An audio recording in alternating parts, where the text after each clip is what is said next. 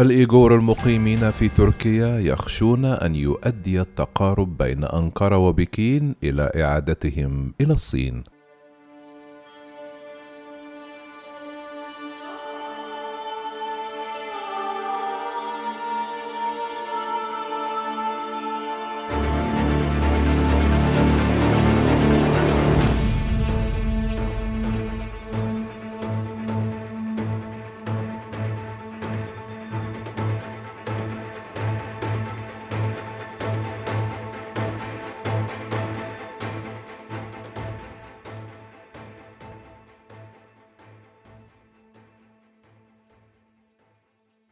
شهدت الساعات الماضية سجالا حادا بين السفارة الصينية في العاصمة التركية أنقرة ومسؤولون في أحزاب المعارضة التركية بسبب قضية المسلمين الإيغور والانتهاكات التي يتعرضون لها من قبل السلطات والنظام في بكين.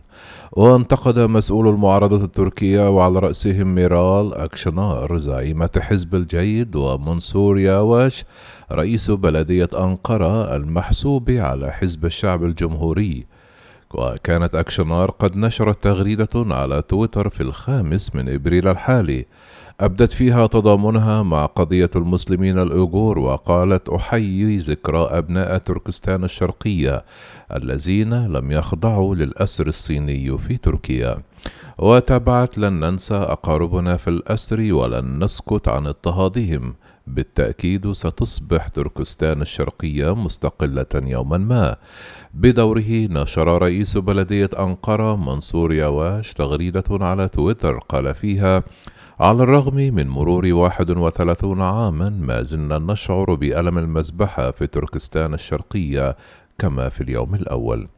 وعلى خلفية ما سبق نشر حساب السفارة الصينية الرسمي في أنقرة تغريدتين الثلاثاء أشار بهما إلى أكشنار ومنصور يواش وقالت السفارة عبر حسابها يعارض الجانب الصيني بشدة ويدين بشدة أي تحد من أي شخص أو سلطة لسيادة الصين وسلامتها الإقليمية ويحتفظ الجانب الصيني بالحق في الرد بشكل صحيح. أضافت سفارة بكين تعتبر منطقة تشيانغ يونغ المتمتعة بالحكم الذاتي جزءا لا يتجزأ من الأراضي الصينية. هذه حقيقة مقبولة دولية ولا جدال فيها.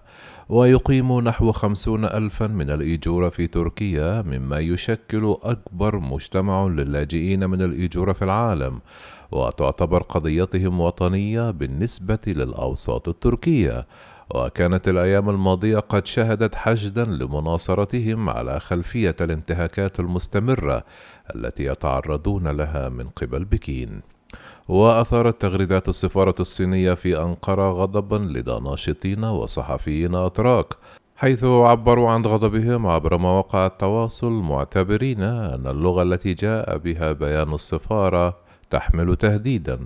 الصحفي ليفنت كمال قال عبر تويتر يجب على وزارة الخارجية إرسال هذا السفير على الفور إلى بلاده إذا كان قد فعل هذه الوقاحة من سفارة أخرى فسيكون ذلك جحيما على حد وصفه. وتابع الصحفي التركي لا يمكن لأي ممثل أجنبي أن يلوح بإصبعه في وجه السياسيين في هذه البلد بهذه الطريقة. وإلى جانبه قال الكاتب والصحفي التركي غوخان أوزبك في رده على تغريدات السفارة الصينية اعرف حدودك هذه الدولة ليست مستعمرة. وأنت لست الوالي المستعمر لتعلن الحديث. وأضاف لا يمكنك أن تهدد ضمنيا مواطنا واحدا في هذا البلد. ابقى ضمن القواعد الدبلوماسية. وحتى ساعة إعداد هذا التقرير لم يصدر أي بيان من جانب الحكومة التركية حول اللغة التي جاءت بها تغريدات السفارة الرسمية لبكين في أنقرة. وتتهم الصين باحتجاز أقلية الأيجور في معسكرات في إقليم تشانغ يونغ شمال غربي الصين أو تركستان الشرقية كما يفضل أهل الإقليم تسميتها فضلا عن ممارسة تعذيب منهجي بحقهم. ودفعت هذه الانتهاكات الولايات المتحدة ودول الاتحاد الأوروبي إلى فرض عقوبات على الصين في وقت اكتفت فيه بكين برد تمثل بفرض عقوبات على مسؤولين أوروبيين وبعض الاستدعاءات الدبلوماسية. وتعود أصول الإيغور عرقيا إلى الشعوب التركية وهم يعتبرون أنفسهم أقرب عرقيا وثقافيا لشعوب آسيا الوسطى حيث يجاور الإقليم الهندي وأفغانستان ومنغوليا. وفي أوائل القرن العشرون أعلن الإيغور استقلالهم لفترة وجيزة لكن الإقليم وقع تحت سيطرة الصين الشيوعية عام 1949 ويتحدث الأوغور لغة مشتقة من التركية وهم يشكلون نحو 45% من سكان إقليم تشونغ يونغ في حين تبلغ نسبة الصينيين من عرقية ألهان نحو 40% ويعد هذا الإقليم أكبر أقاليم الصين ويتمتع بالحكم الذاتي مثل إقليم التبتو نظريا لكن على أرض الواقع لا يوجد شيء من هذا القبيل.